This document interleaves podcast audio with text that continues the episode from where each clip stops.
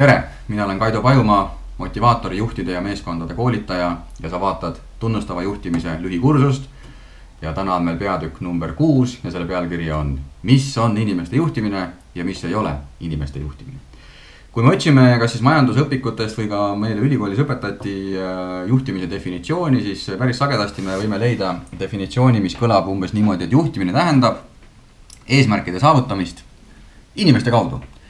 mis siis tähendab seda, et kui me kasutame sedasama joonist nagu eelmises punktis motivatsiooni käsitlemiseks, siis me vahetame siin ära kaks komponenti.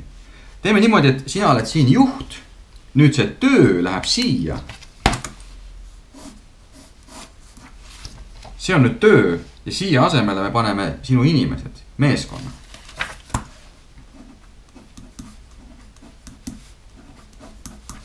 niisiis, pilt on sarnane, aga komponendid on veitsa vahetunud. nüüd selle definitsiooni kohaselt juhtimine tähendab eesmärkide saavutamist inimeste kaudu.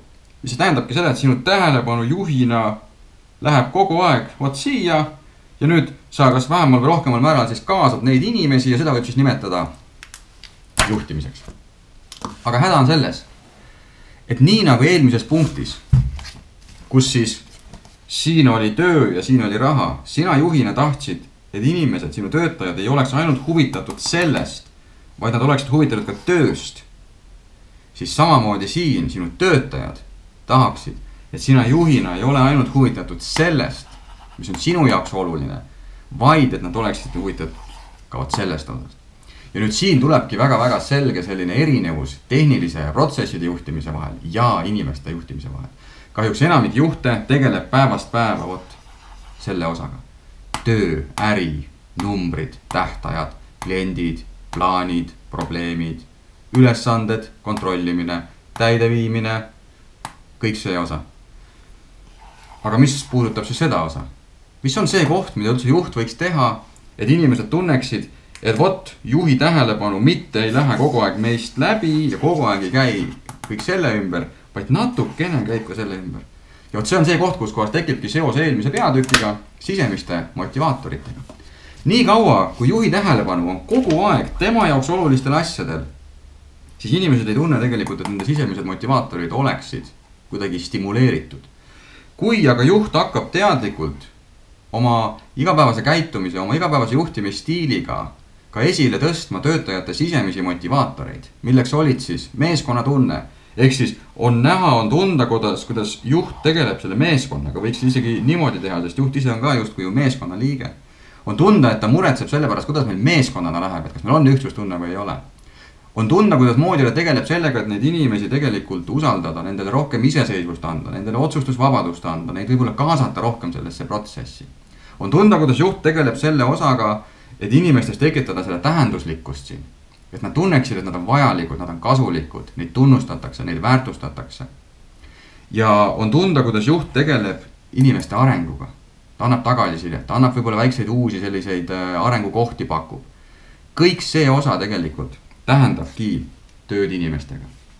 ja nüüd, äh, kui niipidi vaadata, siis tekib küsimus, et okei okay,, aga miks siis nii tihti need töötajad siin tunnevad, et juht ei tegele selle osaga. ja vot minu selline lihtne selgitus sellele on see, et äh, kuna ma puutun ikkagi juhtidega väga-väga palju kokku iga nädal, kolm-neli erinevat nagu juhtide gruppi. siis ma olen tähele pannud, kuidas inimese, juhid käsitlevad tööd inimestega igasuguse kontaktina inimestega, mis tähendab seda, et kui me läheme koosolekule. siis on juba töö inimestega, sellepärast et inimesed on seal, mul on kontakt. aga tegelikult, mille ümber see koosolek käib? Kas see koosolek käib selle ümber või koosolek käib inimeste ümber personaalselt. ja enamus koosolekuid käib selle ümber. tihtilugu on ainult üks koosolek aastas, kus inimene tunneb, et okei okay,, nüüd juhi tähelepanu peatus päriselt minul ja selleks on arenguvestlus. üks kord aastas. kujutad ette, et sa pead olema motiveeritud lähtuvalt sellest, et sa üks kord aastas näed, kuidasmoodi juht pöörab sulle tähelepanu.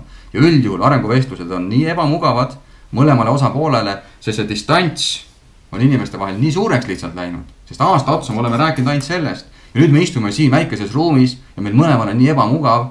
ja tihtilugu see arenguvestlus siis kujunebki selliseks mõttetuks formaalseks linnukeste märkimiseks. mitte sisuliseks, avatud, usaldusväärseks dialoogiks, et aru saada, kuidas sul läheb. kas sa oled motiveeritud või sa ei ole? kas sul, kuidas sul läheb selle sisemise poolega, kuidas sul läheb sinu arenguga? see osa tegelikult jääb vajaka. Ja miks siis nii paljudel juhtidel tegelikult äh, on raskusi selle osaga tegeleda, ongi see, et äh, paljud tänased juhid on äh, saanud spetsialistist juhiks. Nendel puudub lihtsalt juhtimisalane väljaõpe ja treening sa oled olnud mingi tippspetsialist, sulle pakutakse juhi kohta ja sa tegelikult jätkad seal seda spetsialisti tööd. aga tegelikult nüüd saades juhiks, siis su töö peaks vähemalt kaheks minema. et okei okay,, osa sellest spetsialisti tööst ka jääb, peaks jätkuma, eriti kui sa oled keskjuht või esmatasandi juht. aga tegelikult osa sinu energiast peaks nüüd minema inimestele, personaalsele tööle inimestega ja kollektiivsele tööle meeskonnaga.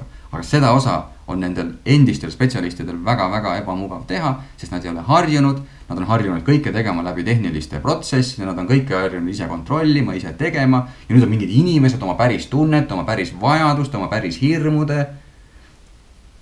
ei taha. ja siit tekibki kaugenemine, parem panen fookuse numbritele. Nendega on lihtne, nendega on arusaadav. ja selle poolega tegelen nii vähe kui võimalik ja nüüd siis aastas korra ma pean selle arenguvestluse ära tegema, sellepärast et personaliosakond lihtsalt käseb. muidu ma seda loomulikult ei teeks. ja paljud ei tee ka, paljud leiavadki põhjuse mitte teha. Öeldes, aga kes siis päris töö ära teeb? aga kui sa juhiks oled saanud, siis see ongi sinu päris töö. see oli päris töö siis, kui sa olid spetsialist, nüüd on see päris töö. ja kui sa ütled juhina, et see on jätkuvalt päris töö, see tehniline ja see on selline ebamugav tüütu kohustus, siis sa oled lihtsalt juhi rollist valesti aru saanud ja sa pead enda jaoks ümber mõtlema, et kas sa tegelikult ikkagi sobid juhiks või, või ei sobi. sest et üks juht tähendabki tegelikult muuhulgas töö tegemist ka inimestega personaalselt, nende arenguga